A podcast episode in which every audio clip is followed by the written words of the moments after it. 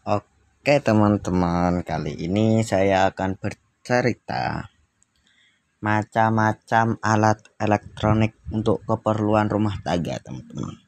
Yang pertama itu ada benda seperti kulkas, AC, jikom, setrika, ada juga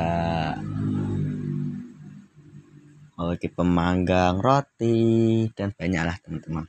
Tapi ya paling dayanya paling besar itu yang pertama ada AC baru kulkas magicom setrika. Gak nyangka kan kalau teman-teman alat kayak gitu dayanya sangat besar sekali.